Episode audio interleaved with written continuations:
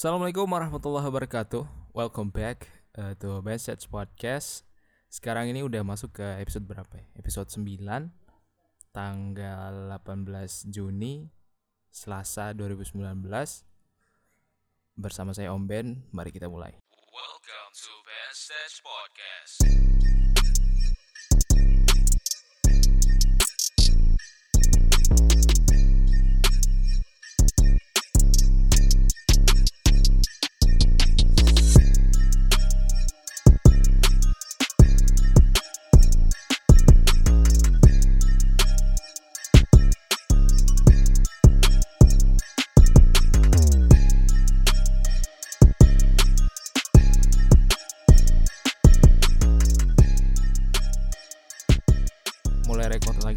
Canggung ya. Karena udah kenapa setiap opening tuh harus ada excuse? Sudah satu minggu lah sudah dua minggu lah nggak podcast. Eh ya emang gitu sih soalnya sudah hampir satu setengah bulan kurang lebih ya eh band stage nggak mengudara karena kemarin memang fokus untuk bulan Ramadan kemudian fokus untuk lebaran karena eh, sekarang saya udah nggak di Jogja lagi. Sekarang udah di rumah so nggak bisa seleluasa itu seleluasa dalam artian hari ini mau ngapain aja itu ditentuin dis- diri sendiri itu nggak bisa. Terus lingkungannya udah berubah kalau di kos kan cuma kita sendiri kita bisa fokus dan kalau di rumah ya ada beberapa tanggung jawab tambahan yang harus kita lakukan gitu. Dan kadang-kadang tuh udah bikin males kalau misalnya eh, mau ini itu gitu. Atau kadang mungkin kita mau ngelakuin sesuatu terus ada intervensi suara dari belakang gitu ya ibu manggil atau bapak panggil gitu ya. Eh dan emang beda sih kalau misalnya kita ada di rumah dibandingkan di tanah rantau. Kalau di rumah itu atmosfernya, bawaannya itu apa ya? Mungkin termanjakan oleh situasi. Termanjakan oleh pertama kita nggak harus mikir hari ini mau ngapain karena semua udah ada misalnya kita mau makan, kemudian kita mau ngapain, misalnya apalagi ditambah kalau rumah itu ada wifi. Jadi kita bakal apa ya? Orang bilang tuh hall apa sih? Eh, lubang lubang kelinci. Jadi misalnya kita browsing YouTube terlalu lama itu kita ada kita ada di dalam lubang kelinci YouTube. Dan menurutku yang paling membuat atau salah satu penghambat terbesar juga karena eh saya tuh kadang malu, kadang malu kalau mau record gitu ya. Karena di rumah ini saya satu kamar sama adik saya. Adik saya udah gede, udah SMA. Jadi kadang canggung gitu kalau mau record. Cuma kalau dipikir-pikir kalau canggung mulu ngap kapan recordnya gitu. Ini aja sekarang lagi record di ruang tamu di mana tempat orang bakar berseliweran. Adik akan lewat sini umi akan lewat sini abah akan lewat sini. Ya sudahlah. Kita tetap lanjut aja. Eh gimana kabarnya teman-teman? Wah template banget ya. Eh selamat ini masih bulan Sawal kan ya uh, taqabbalallahu minna wa minkum buat teman-teman yang merayakan mudah-mudahan amal-amal ibadah kita di bulan Ramadan diterima oleh Allah Subhanahu wa taala. Mohon maaf dah lahir batin juga uh, kepada teman-teman yang merayakan ya. Iya dong. Ada canggung banget sih. uh, di rumah itu setelah kita mengerjakan hal-hal di rumah misalnya kita menyapu kemudian kita mencuci baju setrika dan lain sebagainya ada free time yang kadang lebih banyak space-nya. Mungkin kita hanya bekerja pekerjaan rumah itu dari pagi hingga mungkin sekitar jam 9 atau jam 10 udah kelar. Sisanya jam 10 sampai sore biasanya kita nggak tahu mau ngapain gitu ya. Nah beberapa hari yang lalu saya menyelesaikan sebuah buku. Nah di podcast ini kita akan membahas salah satu buku yang ditulis oleh Om Brian Om Brian Tracy. Jadi bukunya itu judulnya Just Shut Up and Do It. Mungkin ada beberapa teman yang udah membacanya dan kalau misalnya kalian lupa, ini ada satu bab yang sangat-sangat menarik. Sayang banget kalau misalnya nggak disampaikan karena uh, buku ini salah satu bestseller tentang self improvement. Karena Om Brian Tracy ini memang menulis buku non fiksi dan ada satu bab di bab pertama itu tentang pembentukan habit. Mungkin kita sekarang masih struggling ya. Masih kadang tidak bangga pada diri sendiri gitu. Saya pun kadang merasakan hal yang serupa misalnya uh, masih sering apa ya cuek sama lingkungan misalnya. Atau enggak misalnya yang paling sederhana soal masalah tepat waktu misalnya. Itu memang budaya yang sangat-sangat apa ya sangat-sangat jelek menurutku dan kadang orang yang rajin pun bisa ketarik gitu menjadi orang yang ngaret karena orang-orang di sekitarnya itu ngaret. Sebelum kita membahas tentang habits ini, ada satu satu kutipan yang saya suka dari buku ini.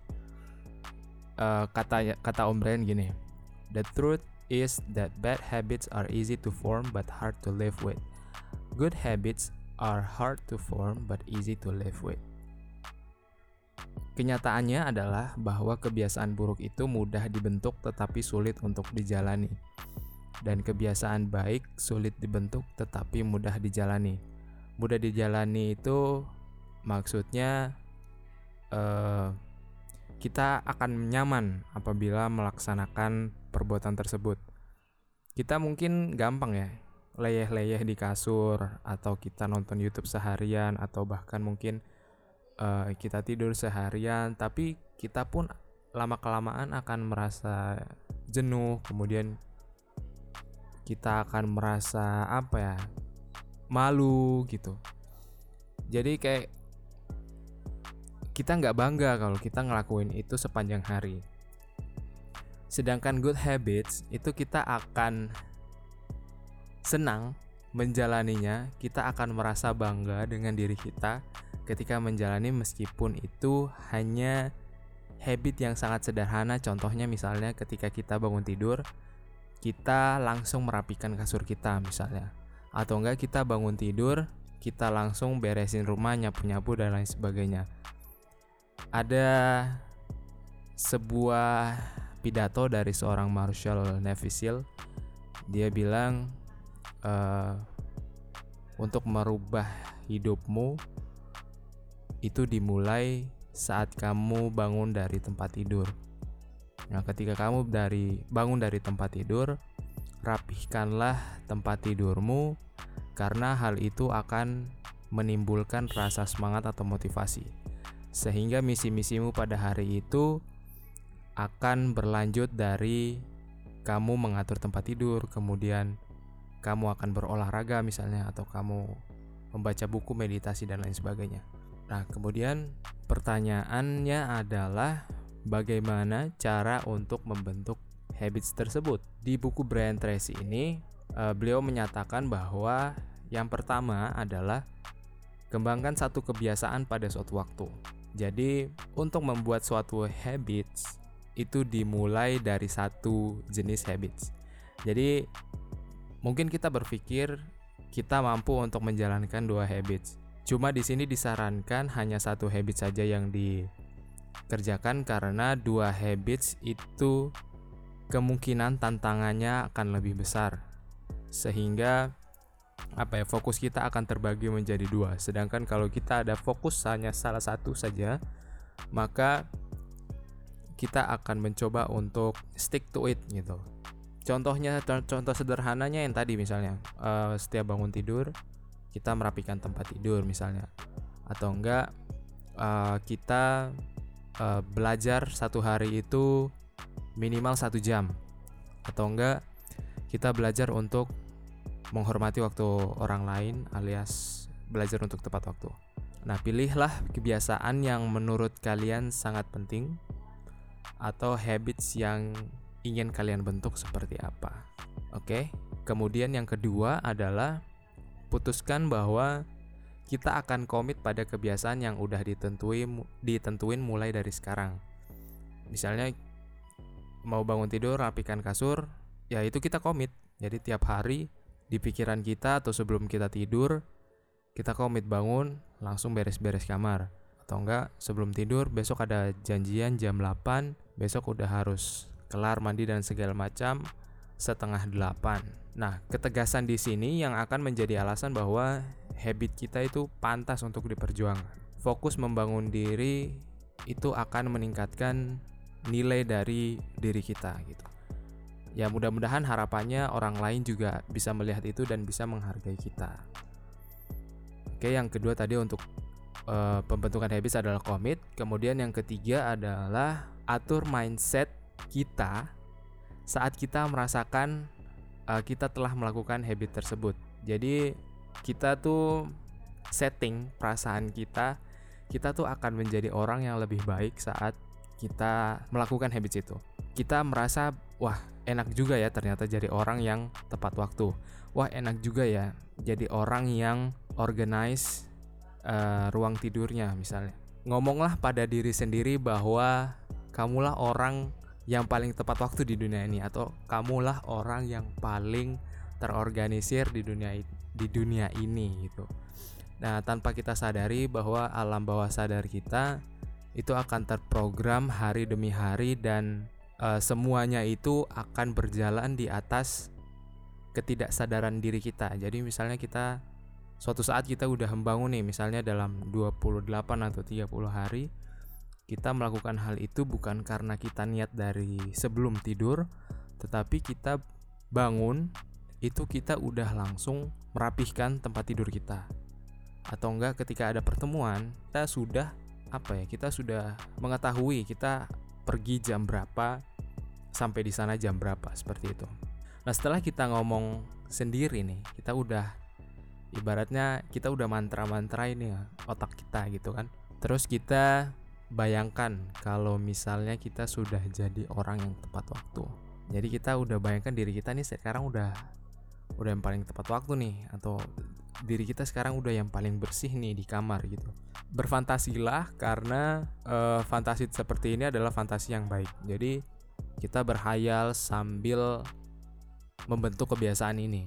Mungkin kalau teman-teman sering uh, apa ya, mendengar kalimat fake it till you make it. Nah, seperti itu. Jadi kita sudah membayangkan diri kita sekarang ini udah yang paling paling rajin sudah, paling mantap. Jadi rasanya tuh mirip-mirip dejavu.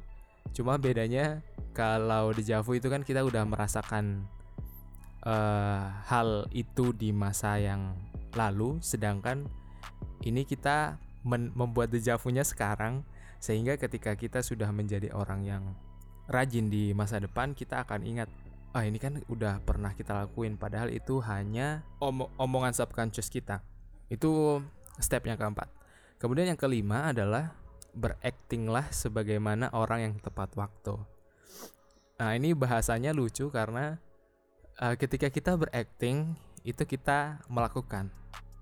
Jadi acting di sini itu kita seperti apa ya? Mentrain otak kita bahwa kita ini sedang acting. Kita ini sedang acting untuk uh, berangkat tepat waktu.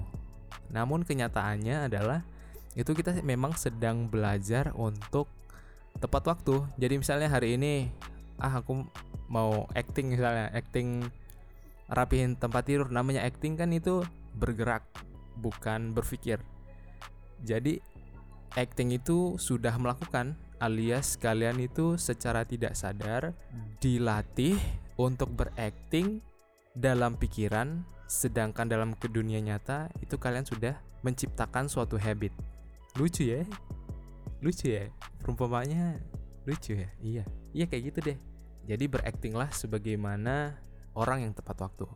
Orang yang tepat waktu misalnya actingnya kita harus datang tepat waktu. Iya dong. Bisa setelah acara selesai acting orang tepat waktu datang tepat waktu. Acting orang rajin olahraga acting lah kayak orang berolahraga gitu. Jadi act melakukan. Kemudian yang terakhir step yang keenam adalah ciptain rasain kebanggaan bahagia ketika kita bisa mengontrol diri kita.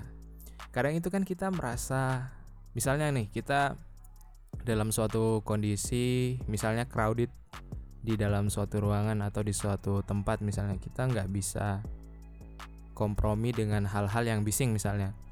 Ketika kita berusaha untuk mengontrol diri kita untuk mengontrol mindset kita untuk misalnya tidak tidak marah misalnya setelah kita keluar dari lingkungan tersebut kita akan mikir emang sebenarnya sih harusnya nggak usah marah karena mungkin akan sama saja rasanya misalnya nah di situ kita akan muncul rasa bangga kemudian merasakan bahwa kita punya kekuasaan penuh atas apa yang akan kita keluarkan atas apa reaksi kita jadi rasakan itu saat berhasil berakting. Bila perlu, berilah reward pada diri sendiri, misalnya dalam dalam sebulan ketika kita menghadiri beberapa acara itu kita sama sekali nggak pernah telat jadi selalu on time nah itu kita bisa memberikan reward kepada diri kita jadi diri kita itu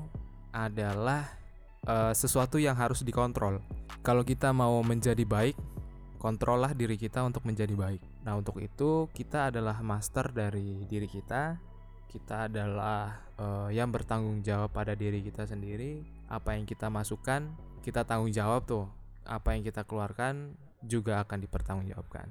Setelah dari step ke enam tadi, jadi saya akan coba merangkum dari yang pertama. Yang pertama adalah kembangkan kebiasaan satu waktu, satu kebiasaan. Kemudian yang kedua, putuskan bahwa kita akan komit pada kebiasaan tersebut. Kemudian yang ketiga, atur mindset rasanya merasakan perasaan lebih baik ketika kalian mengerjakan habit tersebut. Yang keempat, uh, ngomong sendiri, bayangkan bahwa kamu akan menjadi orang yang apa apa yang kamu inginkan sesuai dengan habit habit yang kalian pilih. Yang kelima, beraktinglah sebagaimana orang yang mengerjakan habit tersebut. Dan yang keenam, ciptain rasa bangga ketika kalian berhasil melaksanakan habit tersebut. Namun, ada satu hal lagi nih yang akan mematikan semua langkah tersebut dan hal ini benar-benar berbahaya adalah ketika kita apa ya kita memulai untuk excuse. Kita make an excuse. Kita berkelit kita beralasan atau yang sering orang bilang diet mulai besok lah itu merupakan racun dari keenam step ini jadi kalau misalnya kalian sudah melakukan 1 sampai 6 dalam 10 hari, dalam 15 hari misalnya. Kemudian kalian berkelit, make an excuse, so semuanya akan runtuh. Oke, okay, uh, itu dia episode State Podcast ke-9 ini membahas tentang habits dari bukunya Brian Tracy Just Shut Up and Do It. Bagi teman-teman yang ingin mungkin membaca bukunya, silahkan dibeli dalam bentuk e-book. Itu ada di Play Store atau enggak di Periplus misalnya buku impor. Atau enggak mungkin ini sudah ada terjemahannya ya. Ini saya kurang tahu. Kalau mungkin ada terjemahannya bisa cek di Gramedia terima kasih untuk teman-teman yang sudah mendengarkan Band Stage Podcast yang sudah mensupport yang sudah memberikan masukan kritik dan saran uh, saya Om Ben seperti biasa di ending akan disuguhkan beat. Mudah-mudahan kalian menikmati beat tersebut. Terima kasih. Saya Om Ben, take off position. Assalamualaikum warahmatullahi wabarakatuh.